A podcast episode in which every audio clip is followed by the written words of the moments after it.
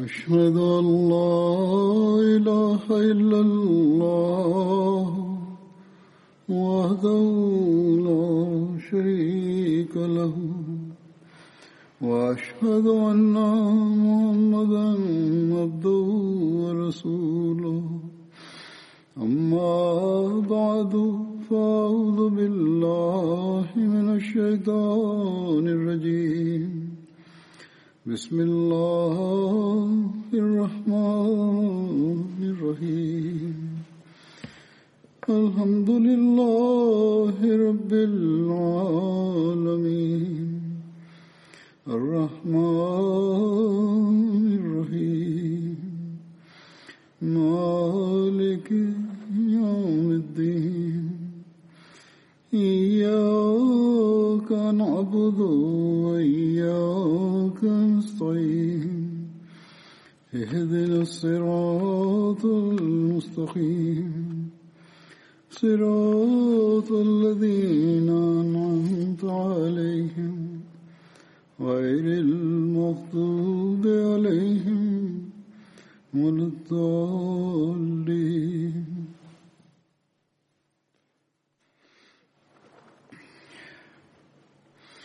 الذين ينفقون أموالهم بالليل والنهار سرا وعلانية فلهم أجرهم عند ربهم ولا خوف عليهم ولا هم يحزنون koji svoj metak troše noću i danu, tajno i javno. Za njih će biti nagrada kod gospodara njihovog, nad njima neće biti straha, oni neće tugovati. U časnom Kuranu uzvišeni Allah je na mnogim mjestima skrenio pažnju vjernika na financijske žrtovanje.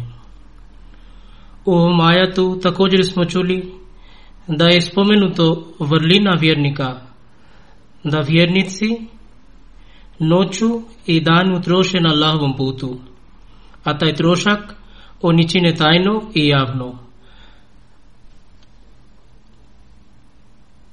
A kod Allaha su privačene oba načini, odnosno tajni trošak i javni trošak.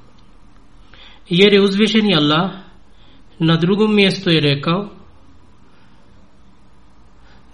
da je namjera ovih vjernika da troše na Allahovom putu je zapravo zadovoljstvo uzvišenog Allaha.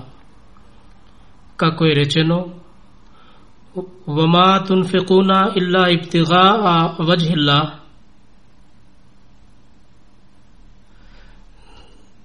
Znači oni troše zbog isticanja zadovoljstva uzvišenog Allaha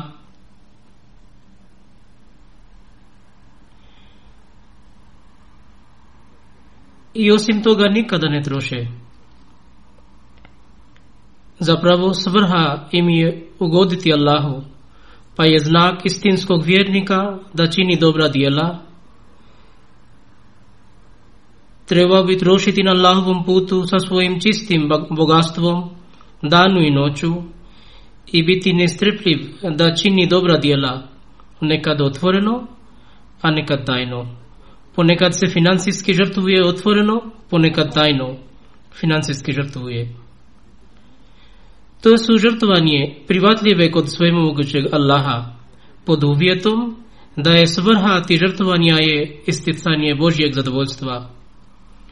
Ako su žrtvovanje samo radi samopokazivanja,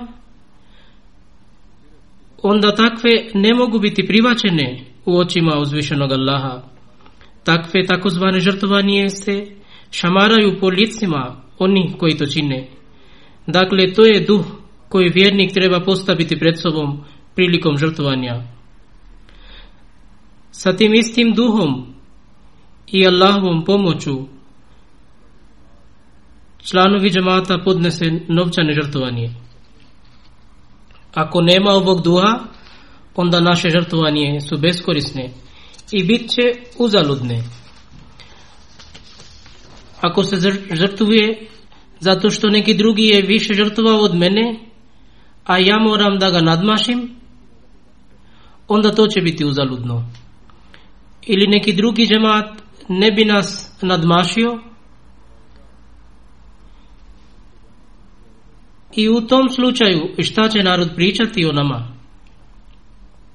Duh nadmetanja je zaista dobra stvar, ali misao na ono što će nam ljudi reći, to nije duh nadmetanja. Duh nadmetanja je da budemo priznati u očima uzvišenog Allaha od njih. Ako čovjek daje članarinu i oholom će pričati ljudima da je toliko dao, ili posebnom tonom će dati do znanja administraciji na neslaganje da ja sam taj koji toliko i toliko financijski žrtvuje, pa zato imam pravo da se pitam ili uživam posebnu godnost, ili ako neko misli da sam se ja tako financijski žrtvao, pa sad ću biti posebno označen kod halife, ili službenika džamata i ja ću biti pohvalen, onda su sve te stvari pogrešne, beskorisne i protiv duha žrtvanja čak mogu uzrokovati štetu. Allah Đalešanhu kaže, ove su pogrešne stvari.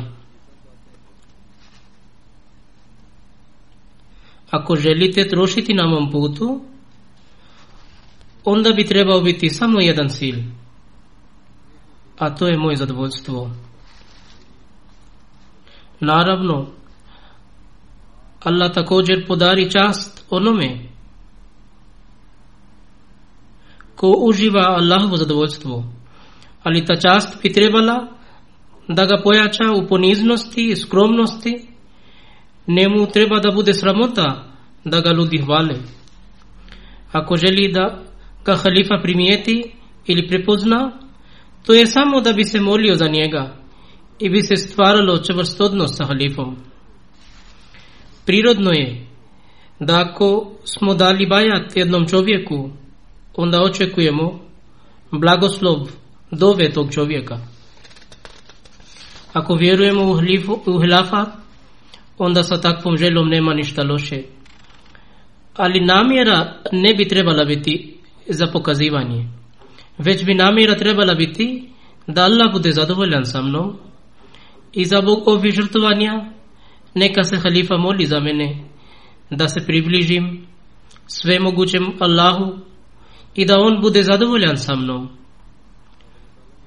Zapravo dove vjernika jedan za druge bude razlog duhovnog napredovanja. Pa zato ovaj misao je pod Božjem učenjem. Allah Đelešanu kaže kad trošite za Bog, mog, za Bog mog zadovoljstva, čisto radi mog zadovoljstva, onda obećavam da ću ukloniti vaš strah i uklonit ću vašu tugu i pružiti ću vam mir i ja ću se pobrinuti za vas utješit ću vas, uzeti ću vas u naručje. Ovo je razmišljanje zajednice koja je Božjem milošću vjerovala imama ovoga doba obećanog Mesija islama odnosno iskrenom slugu časnog poslanika sallallahu alaihi da podnose novčane žrtovanje radi Allahovu vjeru. A Allah ne ostavlja u financijsku žrtvanju, a da ne urodi plodom. Troši se na Allahovom putu, radi postizanja njegovog zadovoljstva, ali Allahova praksa je da ponekad odmah nagradi čovjeka u obliku meka ili nečim drugom. I mi smo svjedoci takvih primjera u džamatu. ne u desetinama, dvadeset ili stotinama, već u hiljadama. Ovo su primjeri. Čak rekao bi da postoje milioni primjera koji svjedoče oni koji traže zadovoljstvo uzvišenog Allaha i prolaze i vide da se to odnosi na njih, tada njihova vjera se još pojača. Naravno, oni koji čine financijske žrtovanje trebaju zapamtiti da njihove supruge i djeca također imaju prava na njih i vjernik je dužan da to ispuni. Grije je lješavanje prava supruge i djece i ispunjavanje njihovih potreba. Ali također treba imati na umu da trebamo biti skromni i moramo objasniti važnost i skromnosti svojoj porodici i obratiti pažnju na financijskom žrtovanju. Onda djeca takvi ljudi sa Božijom milošću primaju Allahove blagodati iz takvi, od takvi načina da čovjek se začudi.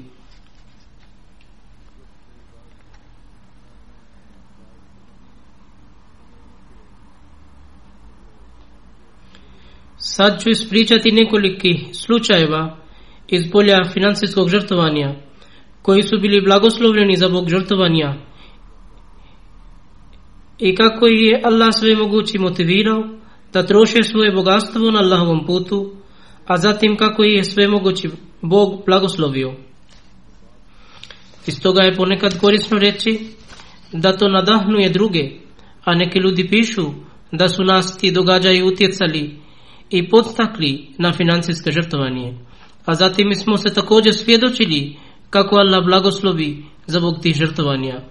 Obećani Masih Islam na jednom mjestu kaže, časni Kur'an kaže, ne skrivajte svoja dijela od ljudi, već neka svoja dobra dijela radite u tajnosti, kako vam odgovara, kada mislite da je za vas bolje tajno činiti, a neka dijela činite javno, dok vidite, dobro je pokazati se običnom narodu, tako da možete dobiti dvije nagrade i tako da vas slabi prate i čine oba dobra dijela.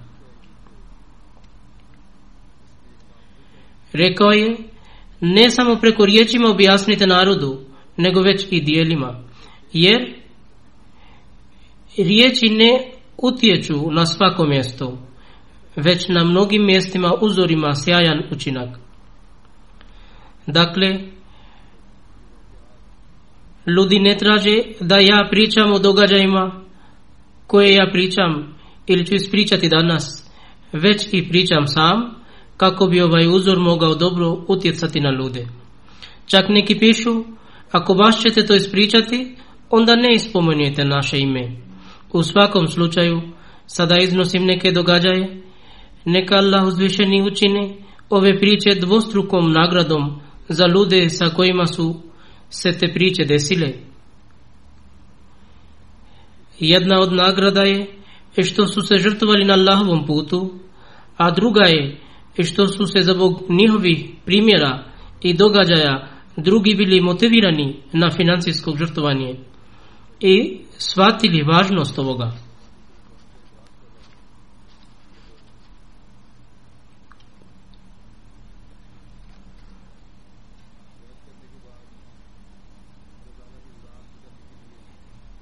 Gospodin Samad, naš imam iz Albanije, piše o tome da je nakon bajata kako čovjek izrazio svoju želju da potroši svoje, bogatstvo da bi stekao zadovoljstvo uzvišenog Allaha. Gospodin Džafar Koči bio slušao moj govor iz engleske dželse u kojem sam pričao o Božjim blagodatima nad džamatom i također sam spomenuo njega kako je on privatio džamat.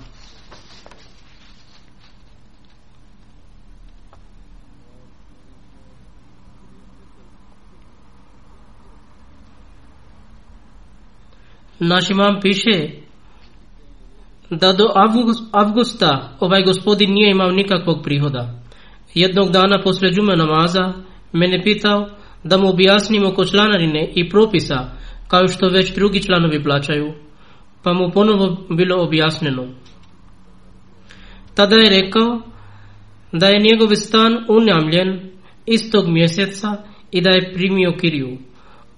Od ovog prvog prihoda donio je puno više članarinu nego kako je po propisu.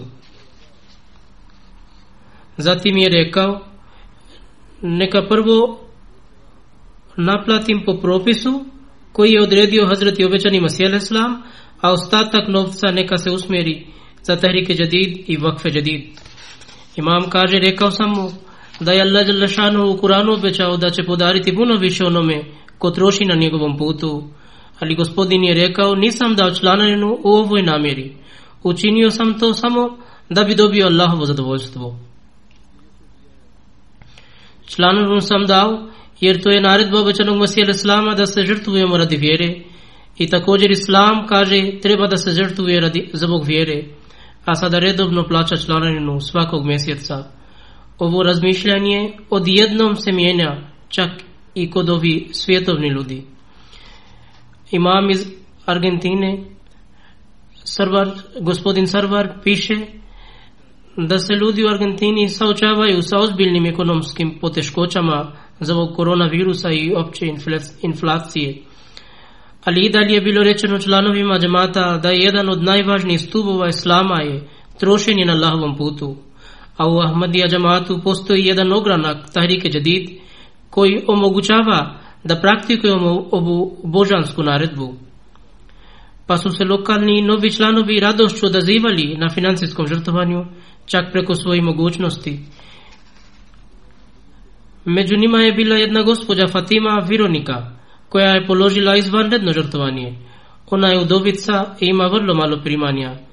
Kad su svi članovi bili kolektivno pozvani da je ostalo još nekoliko dana do kraja godine, ona je poslala poruku imamu rekavši da još ne može priuštiti, ali ona će pokušati u sljedeći nekoliko dana da štedi nešto novca. Pa je nekoliko dana kasnije dala 5000 argentinski pezosa u skladu svoje mogućnosti. Ali sa obzirom na opće ekonomske stanje Argentine, ovo je bilo izvanredan iznos, piše naš imam. Kaže da sam joj rekao, zaista sam zahvalan za vašeg duha. Na tome je ona rekla, nema potrebe da budete zahvalni, jer privatila sam islam sa velikom zadovoljstvom i shvatila sam da je da to je jedna od njegovih naredba da se treba žrtvovati radi vjere. Čak meni je stid što za bog, zauzetog rasporeda ne mogu žrtvovati vrijeme radi vjere, kao što je odgovornost jednog Ahmadi muslimana.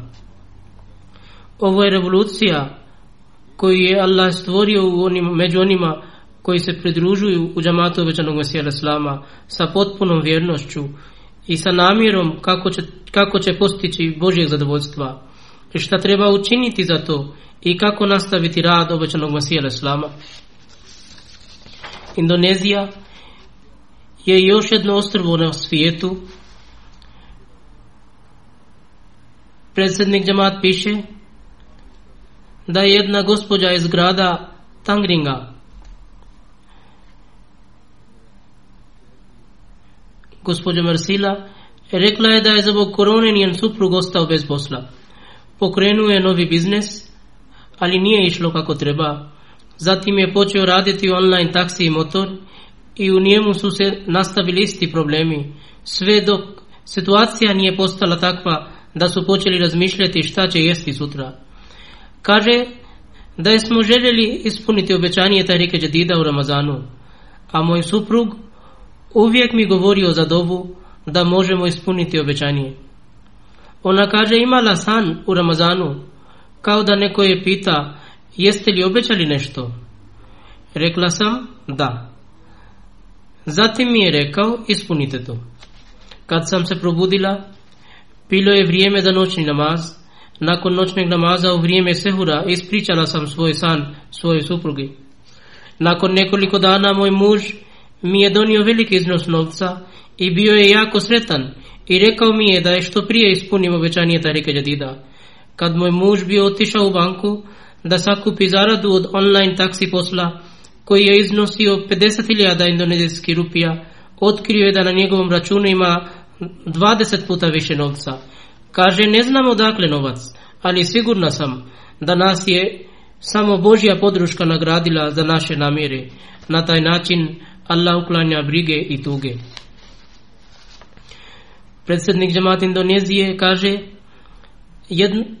jedan Ahmedi gospođu Nur iz sela Lamponga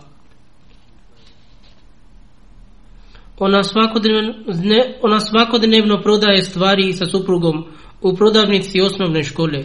Od toga nema neke velike zarade, ali imaju dovoljno za osnovne stvari za život i daju članarinu redovnu. Ona sa velikom zadovoljstvom plaća članarinu svakog mjeseca. Ona kaže da je zbog korone škola bila zatvorena dva mjeseca i tako nije imala nikakvog prihoda. Bila je pravo zabrinuta kako će platiti članarinu.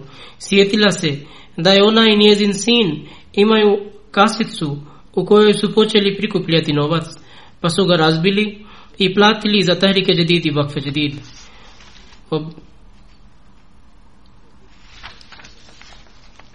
Objasnila je djeci važnost financijskog žrtvovanja i iz njihovog novca platila članarinu. Prije Ramazana kaže da je u kući ostala samo jedna šalica riže, što nije bilo dovoljno ni za dvoje djece. Rekla je, napravila sam doručak za djecu. Djeca su doručkovala sa rižom i vodom. Djeca je pitala zašto ne jedu sa njima. Bilo je malo hrane i kao roditelji smo žrtvovali, pa nije nam preostalo ništa drugo nego da se nasmiješimo. Vrijeme je došlo popodne, tada su djeca bila gladna, bilo je malo riže, jedno je dijete moglo samo jesti i drugo je isto bilo gladno. Počela je plakati, tada da za nas je ostalo samo da se dobimo. Obavljali smo namaz i puno smo se molili. Ubrzo nakon toga pomoć je stigla od uzvišenog Allaha i došao je neko kome je trebao radnik da radi na njegovom polju kukuruza, tako da je moj suprug dobio posao i naše potrebe su bile ispunjene. Hafiz Ataul Halim je naš imam Mali piše da 70-godišnji Ahmadi Jatra Gore plaća redovne članarine svakog mjeseca i također je uključen u sistem vasijet. Vozi se biciklom 7 km kako bi platio članarinu. Prije nekog vremena njegovu zemlju zapljenio je poglava susjednog sela i što ga je jako uznemirilo. Također mi je ovdje napisao pismo za dobu i počeo redovno plaćati nešto višak, čla, višak članarina. Uzvišeni Allah udelio je milost isti sudija koji je ranije presudio protiv njega, presudio je u njegovu korist i njegova zemlja mu je bila vraćena. A ono što je bilo nikakve nade, jer je poglavar sela bio moćan čovjek i bio je utjecan i niko nije mogao zamisliti da će sudija presuditi protiv poglavara. On je ispričao ovu priču nije samo u lokalnoj džami, nego posle džuma namaza u regionalnoj džamiji također prenio ljudima ovu priču o Božijem pomoću, pa i ostali ljudi su također bili impresionirani. Na taj način uzvišeni Allah pretvara strah u mir. Predsjednik džamaata iz Francuske piše da mu jedan prijatelj rekao da sam ove godine obećao u Tehrike Jadid dvostruko više nego prošle godine i napisao hiljadu eura. Ali dogodilo se da je zbog zatvaranja prihodi su se smanili i očigledno je bilo nemoguće da će se obećanje ispuniti.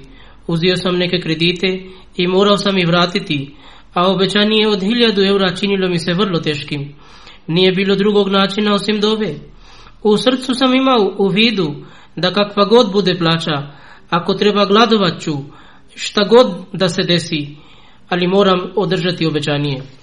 Kaže, ove sedmice dobio sam bonus, tačno od hiljadu eura od šefa zbog rada tokom zatvaranja. Ovo je milost mog gospodara.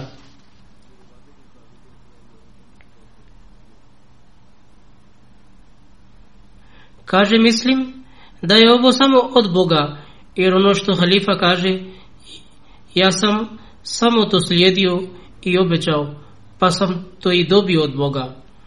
Inače ne bi ni pomislio da će mi moj šef dati toliko u ovom teškom vremenu, da će biti toliko više bonusa. Kada je riječ o zatvaranje, hoću da vam kažem da je od danas ovdje ponovo počne zatvaranje za četiri sedmice i zato trenutno pred mnom u džami nema nikoga osim Muezzina jer su rekli mogu držati hudbu ali osim mujezina, niko više ne smije biti tu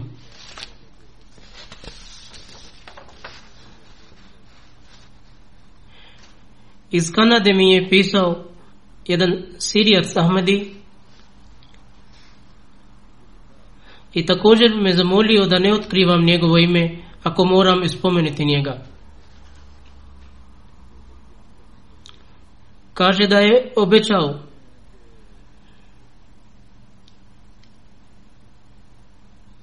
da će zbog izgradnje novog centra u Islamabadu će rado platiti 5000 Kanadski dolara u Tahrike Jadid.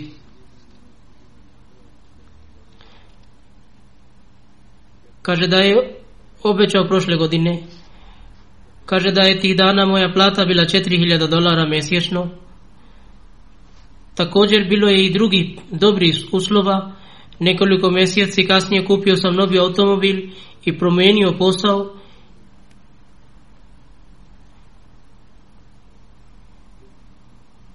i počeo sam više zaraditi, ali i pored dobrog stanja nisam bio u mogućnosti da ispunim obećanje o pet hiljada.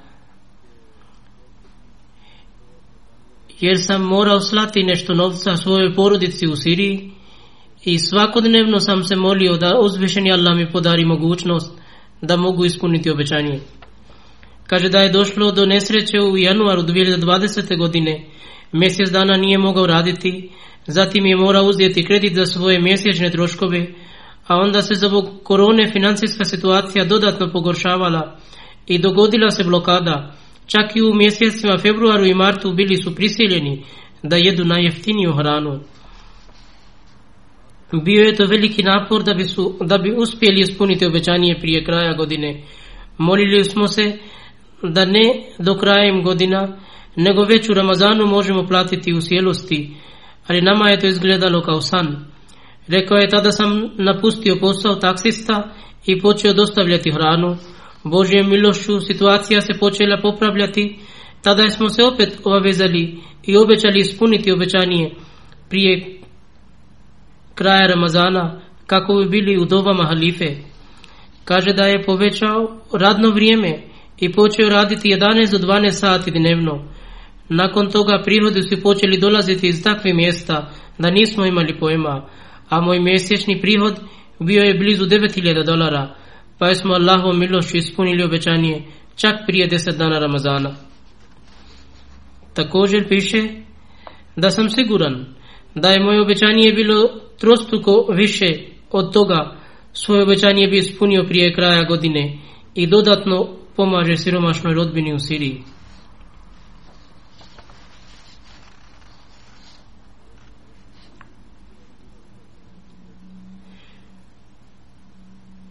Predsjednik džamata iz Seralu napiše u jednom imamu Gospodin Osmanu iz Freetowna on je rekao kao već svake godine mi platimo u Tehrike Jadid ali taj iznos je jako skroman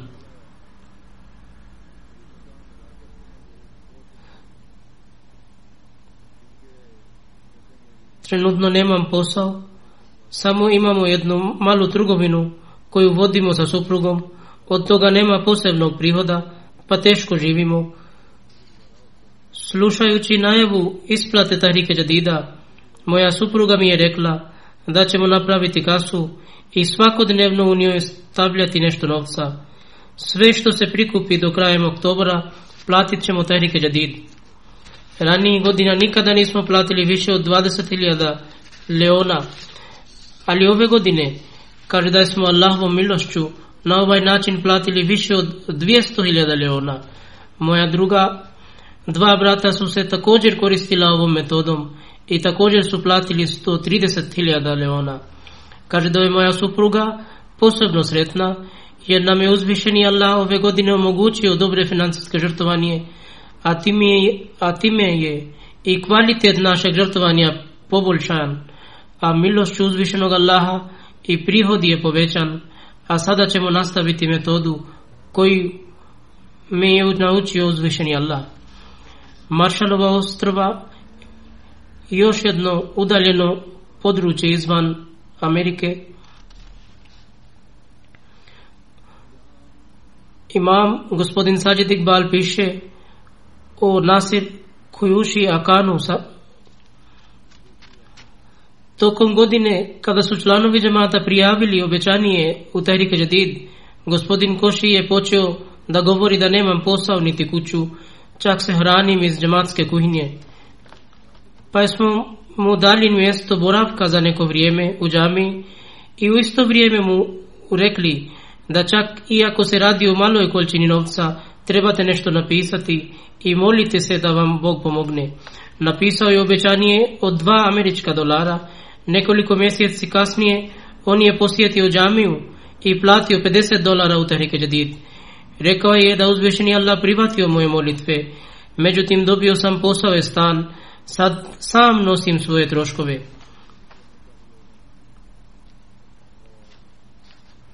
Pa vidite kako uzvišeni Allah pomaže i ojača naš iman, čak i naši imami ponekad iznenade.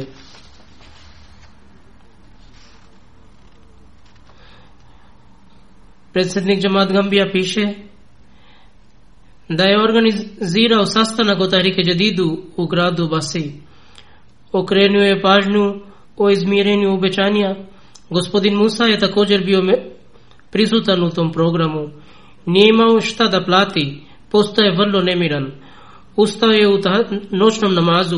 ہلاک مول گیلو دبی موغ میم کو لہوم پوت Allah je privatio njegovu srdačnu želju.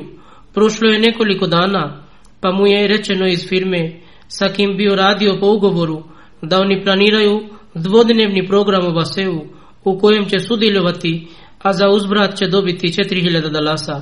Postao je vrlo sretan i nakon pristupanja dvodnevnom programu poveća obećanje na 2000 dalasisa. Zbog članarine uzvišeni Allah mu je stvorio više izbora prihoda, također nastavlja da podstiče Ahmedima važnost Tarike Jadida i financijskog žrtovanja. Gospodin Talha Ali, predsjednik i imam džemata Filipina, kaže da je jedna od najstari, jedan od najstarijih džamata u Filipini je Seminola. Većina od njih su prosvjetni radnici Predsjednik tog džamata prikupio više od očekivanog budžeta, zatim mi je kontaktirao i rekao je da bi se trojicu učitelja trebalo posebno se sjećati u dobama, jer im nije plaćeno od marta, ali sva trojica su učestvovala u Tahrik Jadid. A sada pogledajte kako ljudi koji sjede u udaljenim područ, područjima također se žrtvuju da bi stekli Allahu zadovoljstvo. Gospodin Šamšuddin imam iz Kababira piše da je al je novi džamaat u Palestini. Ovdje članovi džamaata teško žive, ali svi su učestvovali u Jadid. Gospodin Ibrahim je jedan od novih članova iz tog mjesta, čim je da obajat nastavio je sudjelovati u financijskom žrtvovanju. Ovaj put je uplatio dobar iznos za Tarik Jadid. Ovaj prijatelj kaže da je moj prijatelj bio dužnik koji nije vraćao dug zbog neke prisile. Dugo sam čekao, Sad kad sam odgovoran za Tahrike Jadid i dodatno sam imao neke novčane teškoće i naravno nisam imao nadu da, da ću primiti novac. Ali tokom susreta sa predsjednikom džamata platio sam za Tahrike Jadid. Nakon što je razumio moje stanije, predsjednik džamati je rekao da će vas Allah sada blagosloviti, jer već ste uplatili Tahrike Jadid radi Allaha. Tako mi je nekoliko sati nakon što je predsjednik otišao, mu je dužnik vratio novac i sve moje brige su nestale. Jedan član iz Bizvedena iz Nemačke koji je posjetio ured Tariga Jadida i rekao da je njegov predmet azila i je kod jednog sudije koji mu nije odobrio azil. Međutim, on je slušao takve dirljive priče o Tahrike Jadidu i odlučio da će i on platiti hiljadu eura u Tahrike Jadid. Ono što je Allah učinio to jeste da je njegov predmet prešao kod drugog sudije i Allahovom milošću azil mu bilo privaćen, taj čovjek kaže sad sam došao da ispunim svoje obećanje, sve mogućem Allahu, znači potreban iznos bio platio. Sekretar Tarike Jadid Velike Britanije je rekao da jedan član iz Burton džamata nije imao posao, dan prije nego što je platio za Tahrike Jadid, dobio je pristojan posao, Također jedan član imao financijski problem, ali ipak platio je za Tahrik Jadid. Nakon toga kasnije primio je pismo poreznog odjela Hamarasa A, u kojem se navodi da ste prošle godine pretplatili, pa je taj, taj iznos mu bilo vraćen koji je bio mnogo više od njegovog donacije. Jedan član koji je radio kao, kao profesionalac na svom radnom mjestu imao je problem na poslu, Nekomu se nepotrebno žalio na posao. Ovaj član je platio za tarike Jadid. Osoba koja se žalila dobila je otkaz. Naprotiv, podnositeljica pritužbe je dobila otkaz. Automobil jednog prijatelja pao je u jarak. Mislio je ako auto izađe iz, ovog bez, iz ovoga, bez ikakvog štete, onda će platiti više donacija u Tarik Jadid. Tako je automobil izašao bez ikakve štete, pa je uplaćivao prema sedmičnim prihodima. Jedan dječak je platio svoj šestomjesečni džeparac u Tehrike Jadid. Znači, djeca također pokušavaju napredovati u financijskom žrtovanju. Jedan mladić je uštedio novac za odmor, ali platio je sav taj novac u Tehrike Jadid. Predsjednik džamata iz Barkinga kaže da ovaj put obećanje Tehrike Jadida mora biti ispunjen. Ako treba platit ćemo dodatno iz svoga džepa. Pa i tako je on uradio, odnosno neprikupen novac platio je od sebe. Nakon toga iz firme su ga obavijestili da će ove godine dobiti 70% više bonusa nego prošle godine i što je mnogo više od iznosa koji je uplatio u dodatnoj donaciji. Linar Abdulrahman iz Kazakistana kaže redovno platim opću članarinu i za Jalsu Solanu, Žid, postoje različiti ljudi različiti nacionalnosti. Ovo je blagoslov članarine da mi je supruga završila medicinski fakultet i dobila državni posao. Također država nam dala stambene kredite, djeca se školuju i sada je financijska situacija mnogo bolja nego prije. Imam dva automobila i sada planiram napraviti svoju kuću. Sve je ovo rezultat članarine milost uzvišenog Allaha. Prije smo živjeli u unamljenom stanu sa novčanim teškoćama, ali i dalje smo nastavili davati članarinu uslijed čega nam je uzvišeni Allah podario neizmjerene blagoslove. Muhammad Hasan, imam iz Gvijenije Bosu piše, Muhammad Ibrahim član džamata kaže da je prošle godine kada je halifa najavio novu godinu za Tarik Jadid, obećanje je napisao nakon što je čuo najavu i odlučio sam da nastavit ću plaćati svaki mjesec. Tako se i dalje događalo, ali u danima epidemije korone prihodi je prestao, Kaže da je u to vrijeme bilo problema, pa tako se je približavao rok Tarike Đedida, bio sam jako zabrinut i nastavio se moliti. Jednog jutra primio sam telefonski poziv od jednog gospodina koji me pitao možete li graditi građevinske blokove. Odmah sam postao pristalica, pa sam dobio posao sjedeći kod kuće i zbog toga je uzvišeni Allah stvorio razlog da ispuni svoje obećanje, a financijska kriza uzrokovana zaključavanjem je nestala.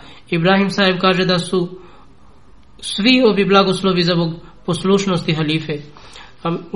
Predsjednik džamata iz Tanzanije piše da imam iz Rađbara piše da je gospođa Hamna Bibi i starija Ahmedi žena bila na čelu plaćanja članarine svake godine uprkos ograničenim prihodima i ove godine kada je zatraženo financijsko žrtovanje Ramazana pokušala je svim silama ispuniti obećanje tog mjeseca, ali zbog financijskih poteškoća nije mogla to uraditi. Rekla je da je bila jako tužna, zato kaže da sam se probudila usred noći i plakajući počela se moliti svojemu gospodaru. Bože moj, ovo je vrijeme da se odazivamo na poziv halife, ja, a ja sam lišena toga. Tako je tog jutra primila telefonski poziv jednog rođaka, sa kim ranije se nije moglo kontaktirati, taj rođak joj je poslao nešto novac na poklon od kojeg je uputila uplatila članarinu, a sama kaže da je zbog moje članarine moj Bog uvijek me gleda sa ljubavlju i nikada me ne ostavlja na samo. Iz Kadijanja Vakilul Mal piše da jedan član našeg džamata iz Karulaj Kerala plaća 500.000 rupija u Tahrike Jadid. Izdvojio je nešto novca za kupovinu namještaja za svoju firmu. Iako ne bi odmah platio za namještaja, onda bi morao zaustaviti rad u firmi, ali u isto vrijeme trebao platiti u Tahrike Jadid. Sa obzirom na važnost donat financijskog žrtvovanja, sredstvo za namještaja usmjerio za članarine Kao rezultat ove iskrenosti, uzvešeni Allah udelio je takvu blagodat za njega. Za kratko vrijeme, neko na njegov račun položio više novca od iznosa položenog u donaciji i kupio je robu koja trebala biti dostavljena firmi. Nakon toga dobio je projekat vrijedan nekoliko miliona rupija, a uz obećanje ponudio je ogromnu količinu od milion i dvijesto hiljada rupija za Tarik Jadid. Blagajnik, odnosno inspektor Abdul Vajid iz Indije piše da je održan sastanak u Kočinu u Karali povodom Tarike Jadida, a na kojem su objasnili ciljevi i zadaci Tarike Đadida. Ljudi su bili pozvani da što više učestvuju i se uključe u ovu programu. Nakon završetak sastanka otišli smo do predsjednikove kuće, a predsjednikova čerka koja ima 8 godina donijela je svoju kasicu i rekla koliko god iznos bio je u njemu, uzmite za Tarik Đedid. Ukupan iznosa je, ukupnog iznosa je bilo 864 rupija. Njezin otac rekao da je njegova kćerka dugo prikupljala novac sa namjerom da donira u Tahrik Jadidu. Kad god bi se vratio iz radnije, otac je rekao da će Otcu je rekao da će iz mog džepa uzeti sve novčiće koje će imati i uzeti i od mene i staviti u svojoj kaseci. Pa tako mjesecima prikupljen novac platila za članarinu. Ovo je spoznaja o financijskom žrtovanju koji je uzvišeni Allah stvorio čak i kod Ahmedi djeca.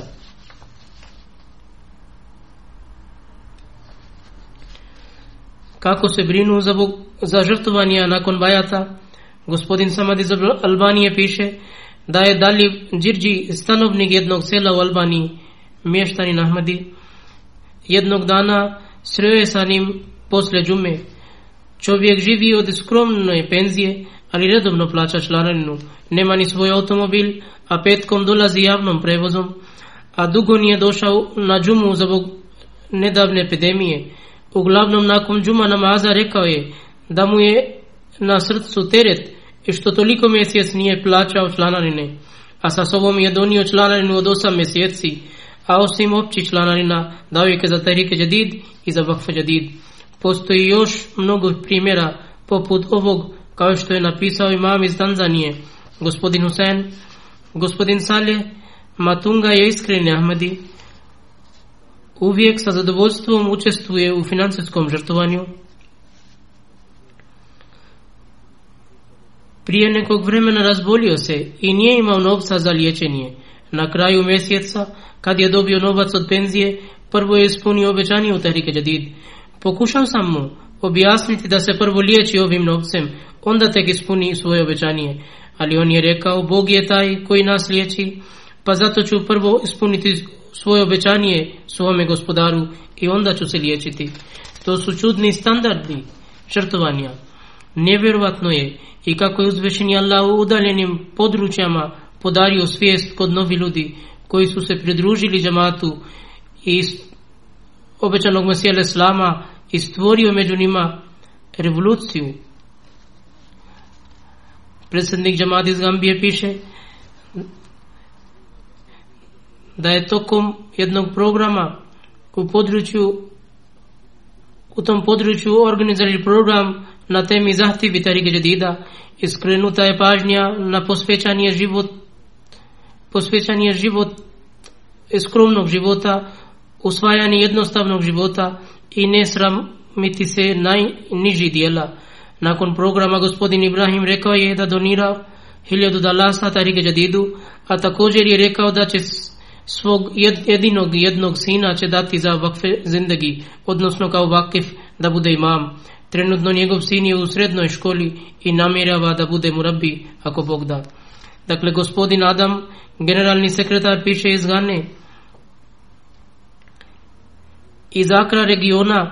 da mi je regionalni predsjednik dao 50 ganski sedi kao kiriju.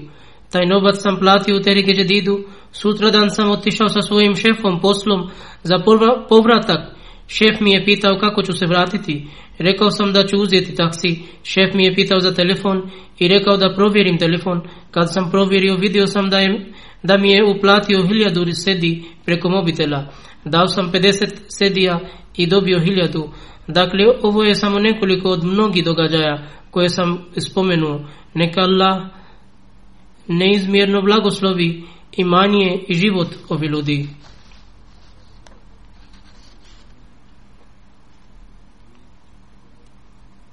Dopustite mi sada da dam kratki opis ukupnog žrtvovanja kao što bude navedeno uz najavu nove godine Tarike Jadida. Sa Božjom milošću 86. godina Tarike Žedida završila se 31. oktobra i započela je 87. godina. Sa Božjom pomoću džamat je položio žrtovanje u vrijednosti 14,5 milijuna funti u Tarike Đadid.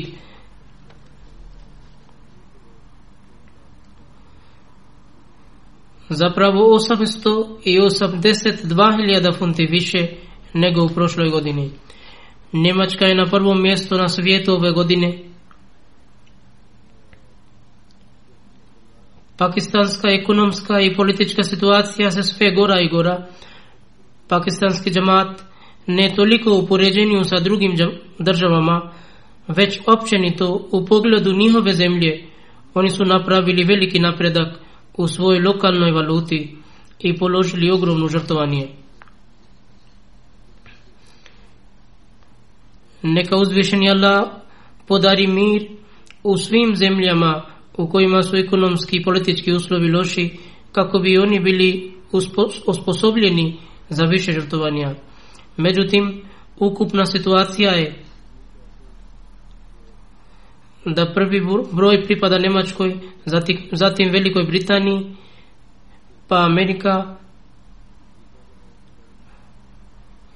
među stranim zemljama Pakistan isto među njima Amerika broj 3 zatim Kanada zatim jedna država sa bliskog istoka pa Indija pa Australija, zatim Indonezija zatim Ghana, pa još jedna država bliskog istoka i Gana se sada nadmašujući krug Afrike pridružila u trci nadmetanja sa ostatkom svijeta i sa Amerikom, Europom i drugim zemljama, zemaljama.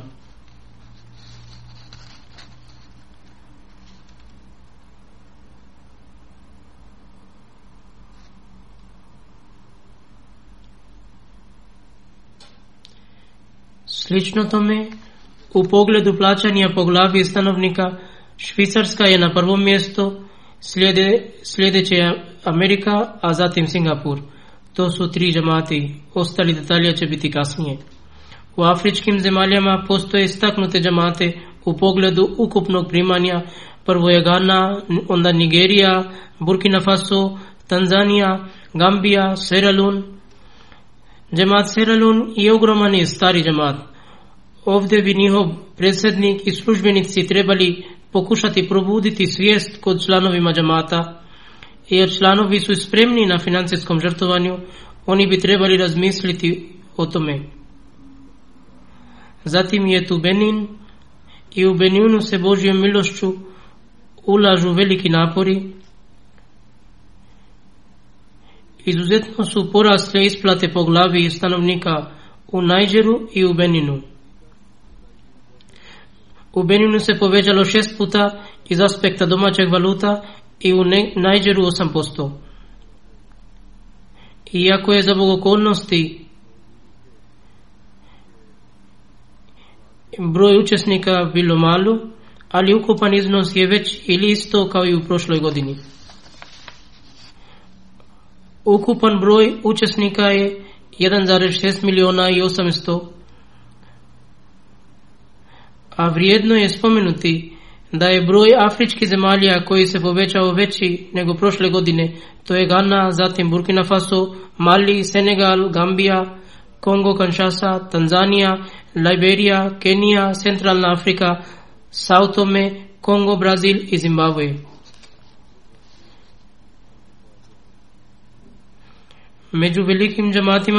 سے بنگلہ دیش نیمچ کا کناڈا انڈیا آسٹرالیا برطانیہ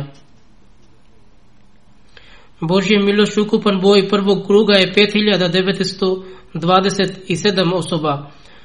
Od njih 33 živi i sami plaćaju svoj dio. 3119 računa od prvog kruga je aktiviran preko potomstva ti ljudi, a ostali 2775 računi u funkciji preko iskreni članova džamata. Prvi deset nemački džamata su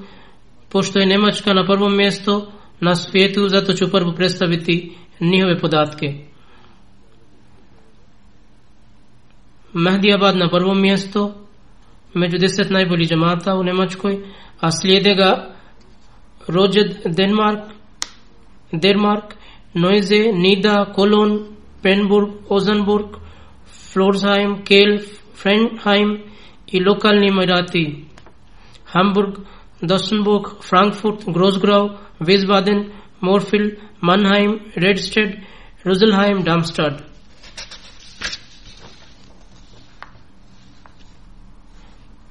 روزلہ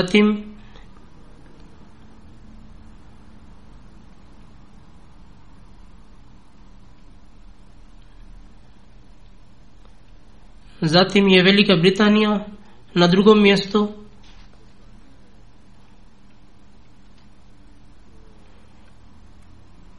نیو بستانی واکو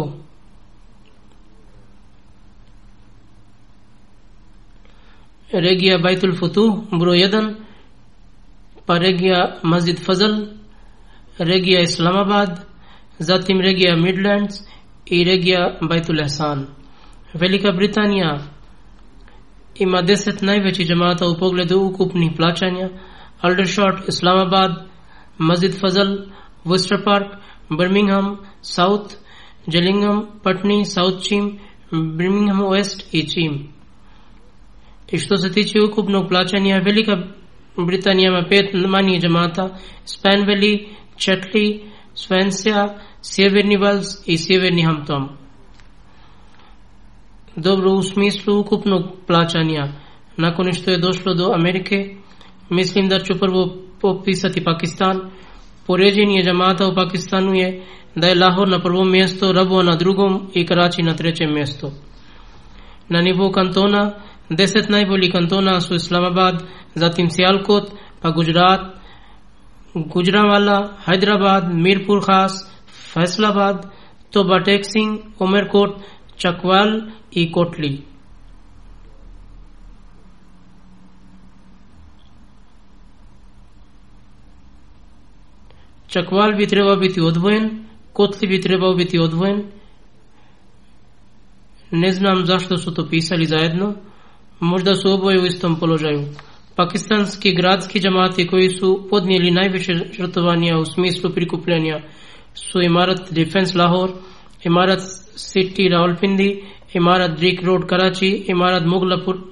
مغلا پورہ لاہور عمارت ٹاؤن شپ لاہور عمارت عزیز آباد کراچی عمارت گلشن اقبال کراچی پشاور کوئٹہ عمارت دہلی گیٹ لاہور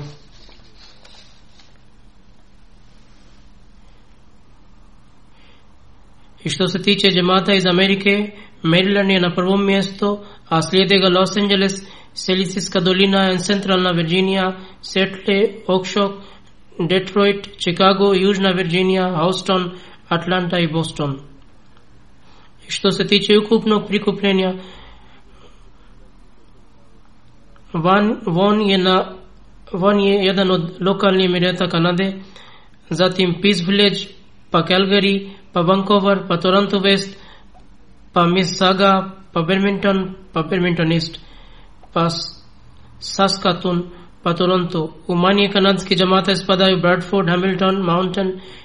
ایڈمنٹن ویسٹ ای ریجینیا ای ہیملٹن ایسٹ او پوگلے دوشرتوانیا پرویدیست جماعت او اندی سو کوئمبٹور پرویدن کادیان پزت پپتھا پرام حیدرباد کننو ٹاؤن کولکتا کالیکٹ پینگلور متھاٹم مجھو پرویت دیست پروینسی کرالائی برویدن تمیل نڈو کرناٹک جموں کشمیر تلنگانہ پنجاب اڑیسہ بنگال دہلی مہاراشٹرا نائبولی دست کی جماعت بون لانگ بون کاسل ہل میلبارن بیلوک مازڈن پارک ایڈیلائڈ ساؤتھ پینرت آستے کمبیرہ کمبیرا ایڈلائڈ ویسٹ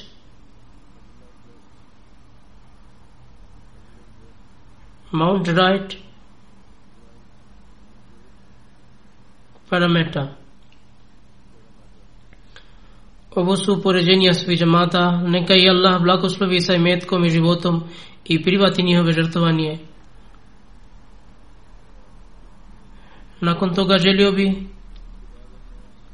ستیم میں najavljam početak nove godine Tarike Četida, kao što rekao, početak 87. godine, inšallah počela je od 1. novembra. Sada bi također skronio vašu pažnju na činjenicu da je danas potrebno puno više dove. Obratite pažnju na dove. Molimo se za sebe i za džemat. Sad i za muslimane također trebaju dove. Danas čelnici nekih zemalja u nemuslimanskom svijetu imaju veliku količinu mržnje i nezadovoljstva prema muslimanima. A očito, lideri koji su u ovom demokratskom dobu pokušavaju dati svoje izjave i politike u skladu sa njihovim željama smatrajući ljude Bogom. Ili i sami ponekad zavaraju i pokušavaju dovesti do toga da nema Boga. A vi ste svi Čak i tamo gdje ne govore otvoreno, u njihovim srcama postoji mržnja i rezerva prema islamu. Ti ljudi i veliki dio naroda također su protiv muslimana zbog nedostatka odgovarajućeg znanja o islamu. Međutim, uz dove moramo pokušati reći svijetu šta je stvarnost islama. U posljednji nekoliko dana ako je došlo do otvorene izjave zapadnog lidera, onda inače to neprestano dolaze. Nekako zamotavaju rečenice, daju neke političke izjave ili na takav zaobilezan način. Ali ako postoji otvorena izjava jednog lidera, to je bio predsjednik Francuske. Islam je nazvao religijom krize. Žrtva krize je zapravo njihova vlastita religija. Ako postoji, prije svega oni ni ne vjeruju ni u jednu religiju, zaboravili su kršćanstvo. Oni su u krizi.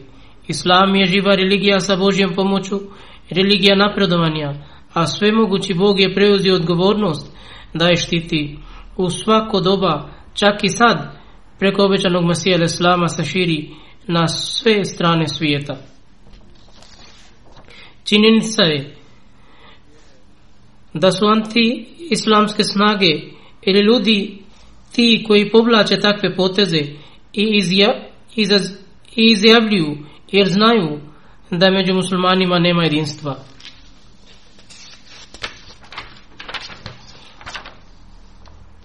Ovdje zaista ću spomenuti premijera Kanade koga ću hvaliti jer dao je dobru izjavu na izjavi predsjednika Francuske da je sve ovo pogrešno i da se to ne bi trebalo dogoditi i da treba voditi račun o međusobnim osjećajima, vjerskim osjećajima i vjerskim vođama.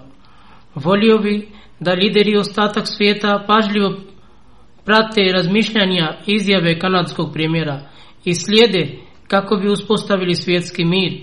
Međutim, premijer Kanade zaslužio povalu u tom pogledu i mi bismo se također trebali moliti za njega neka mu Bog otvori srce. Međutim, jasno je da među muslimanima ne postoji jedinstvo.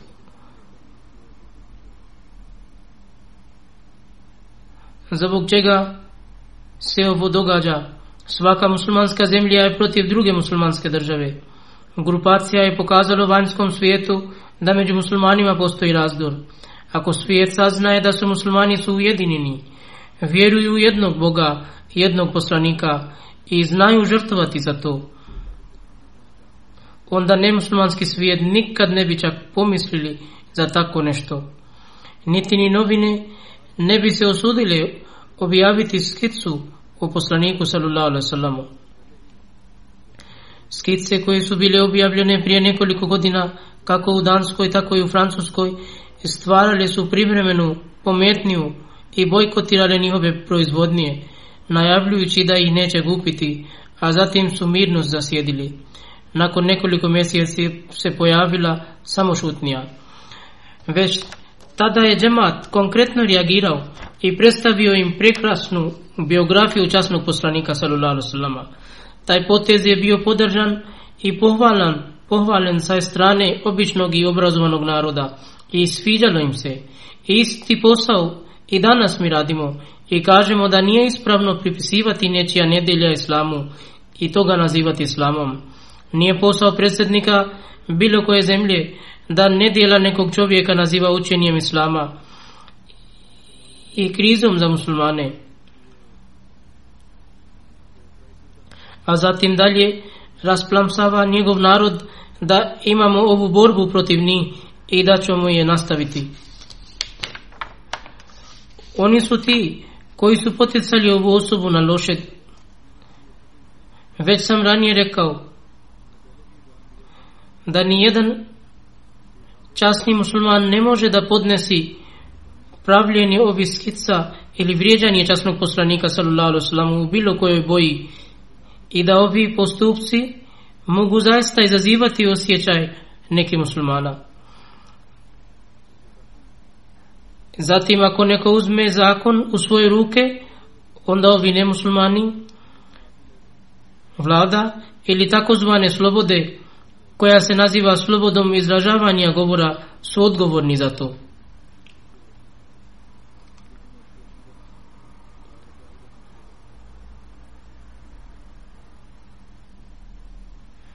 Međutim, nemuslimanski svijet je taj koji raspiruje njihove emocije Čak i kada prvi put pokrenu ovo pitanje, u nizu hudbi ja sam objasnio pravi odgovor, kako bismo trebali reagirati i što bismo trebali pokazati i kako.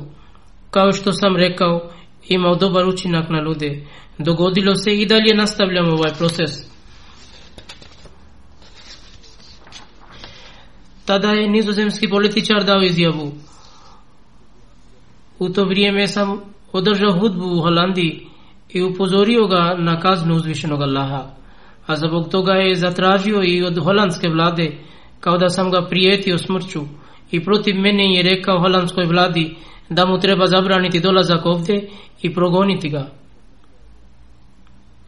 U svakom slučaju trebamo ostati u skladu sa zakonom i odgovaramo na svaku akciju koja se poduzme protiv Islama i poslanika sallallahu alaihi i nastavit ćemo da odgovaramo. Naš postupak ostavlja dobar utjecaj na ljude i mi nudimo ovo rješenje da moramo reagirati u skladu zakona i najvažnije da učimo salavate na poslanike sallallahu salama i dovimo. I ja sam to poticao u mnogim ranijim hudbama uprkos oštrim jezavama nehmadi učenjaka u nama. Radimo svoj posao u odbrani Islama, u svijetlu istinski učenja Islama, nastavit ćemo raditi, inša Allah. Ubistvo jedne ili dvije ili četiri osobe samo ga se privremeni žar, ali to nije trajno rješenje. Ako muslimanski umet želi trajno rješenje, onda se cijeli muslimanski svijet mora okupiti.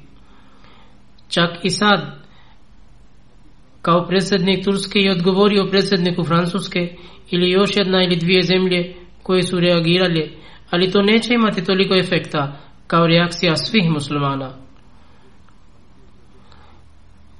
Rečeno je Džabog reakcija Turske i druge predsjednik Francuske ublažio njegovu izjavu da nisam mislio na to, ali u isto vrijeme podržavao svoj postupak da je ono što radimo ispravno.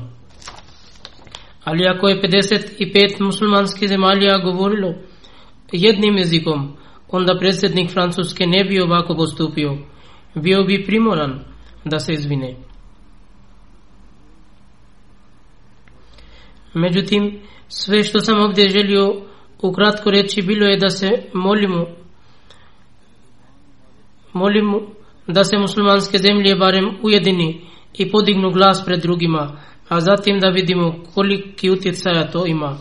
Mi radimo svoj posao i nastavit ćemo ga raditi, ako Bog da. Ovo je zadatak sredbenika imama Mahdija i ummeta časnog poslanika sallallahu alaihi da šire lijepa učenja islama u svijetu. Pokažite svijetu prijelije lice časnog poslanika sallallahu alaihi i nećemo mirno sjesti dok cijeli svijet ne stavimo pod zastavu Muhammeda sallallahu alaihi Recite svijetu da vaš opstanak ovisi o, prepoznavanju jednog jedinog Boga i o končanju ugnjetavanja. Prije nekog vremena ponovo sam napisao pismo nekim šefovima države, a prije nekoliko mjeseci tokom korone pisao sam i predsjedniku Francuske, a u njemu riječima obećanog Mesija Slama sam ga upozorio na kasne i nesreće koje dolaze od uzvišenog Allaha Zbog ugnjetavanja, pa na to trebate obratiti pažnju. Okončajte ugnjetavanje i uspostavite pravdu i dajete izjavu zasnovanu na istini. Ispunili smo svoju dužnost i to ćemo činiti i dalje. Sada je nečija želja, da li on, hot, da li on to razumije ili ne. Ali mi u svojim molitvama ne smijemo zaboraviti muslimanski umet. Neka im Allah pomogne da prepoznaju iskrenog sluga časnog poslanika sallallahu alaihi sallama. I općenito svije treba da razmisli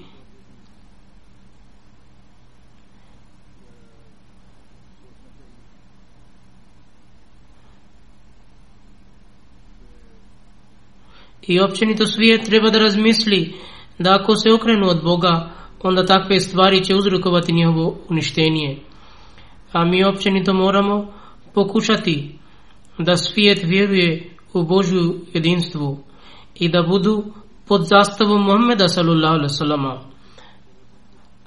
A zapravo ovo je sil tahrika jedida.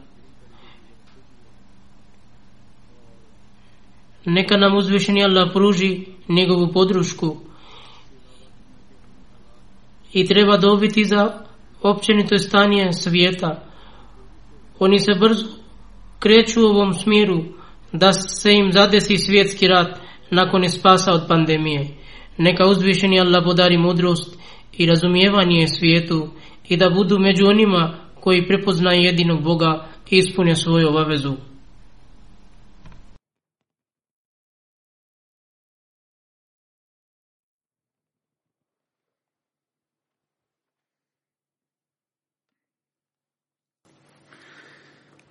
الحمد لله الحمد لله نحمده ونستعينه ونستغفره ونؤمن به ونتوكل عليه ونعوذ بالله من شرور أنفسنا ومن سيئات أعمالنا من يهده الله فلا مضل له ومن يهده الله فلا مضل له ومن يضلله فلا هادي له ونشهد أن لا إله إلا الله ونشهد أن محمدا عبده ورسوله عباد الله رحمكم الله إن الله يأمر